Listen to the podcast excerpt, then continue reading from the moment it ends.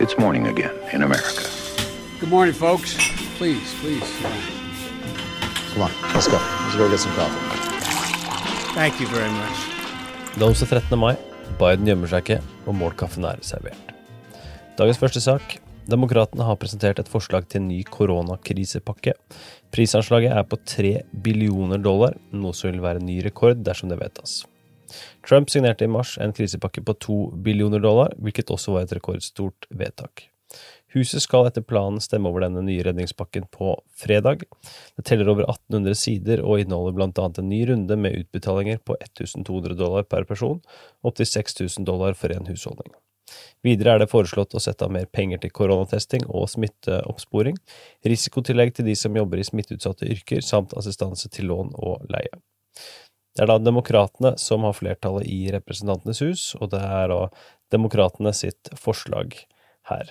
Det er forventet at eh, deres forslag vil møte motbør hos republikanerne i Senatet, så klart, og demokrater erkjenner også at de ikke kan forvente at forslaget blir akseptert, men snarere skal det være håp om at det får i gang diskusjon om videre tiltak i tiden fremover.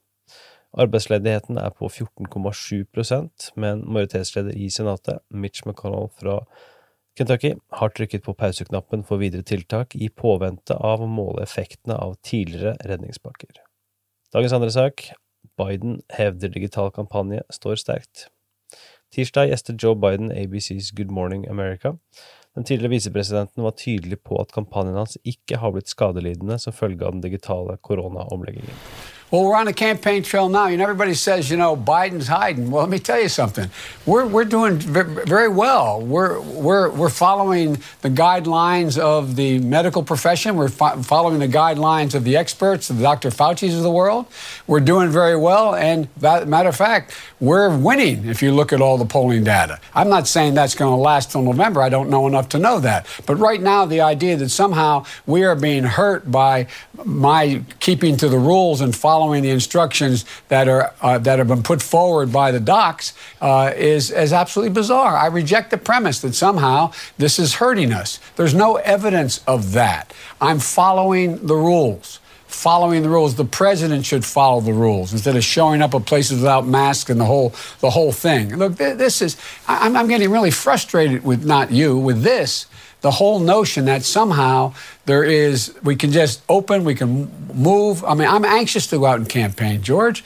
You know when i campaign i'm usually the first one there and the last one to leave. I enjoy in, interfacing with people Biden viser til at de siste nasjonale målingene har gitt ham en ledelse over Trump, og at det derfor ikke kan hevdes at koronakrisen har svekket Biden-kampanjen. Real Clear Politics sitt gjennomsnitt av de nasjonale målingene viser at Biden nå leder med 4,4 prosentpoeng over Trump. De siste dagene har det kommet en del nyheter fra Biden-leiren om at digitale rådgivere stadig blir hentet inn fra Bidens tidligere demokratiske motkandidater, og videre skal det visstnok også vurderes om deler av den digitale kampanjen kan outsources. Dagens tredje og siste sak. Det hersker ikke akkurat noen tvil om at Georgias tidligere guvernørkandidat Stacey Abrams er en ihuga Biden-støttespiller om dagen, men tirsdag gjorde hun likevel sin støtte til den tidligere visepresidenten så formell som mulig da hun kom med sin endorsement. Den store nyheten var vel egentlig at hun ikke allerede hadde gjort det, kom som en stor overraskelse på meg. Det er ingen overdrivelse å si at uh, ingen kandidater har vært mer frampå enn Abrams i kampen om å bli Bidens visepresidentkandidat til valget i november. Vice President Joe Biden is going to pick the person that best suits him. He has an extraordinary team around him, and more importantly, he knows what he needs because he's done the job. I leave it to him to make his choice, but and I can't decide which questions I'm going to get from fantastic journalists like yourself and others. My only obligation and my only opportunity is to be as forthright and clear as I can, and that is to say, yes, I'm qualified and ready. Hun har vært åpen om sine ambisjoner og har argumentert for at hun vil være et fantastisk valg for Biden. Det kommer vi mer tilbake til i podkasten 2020.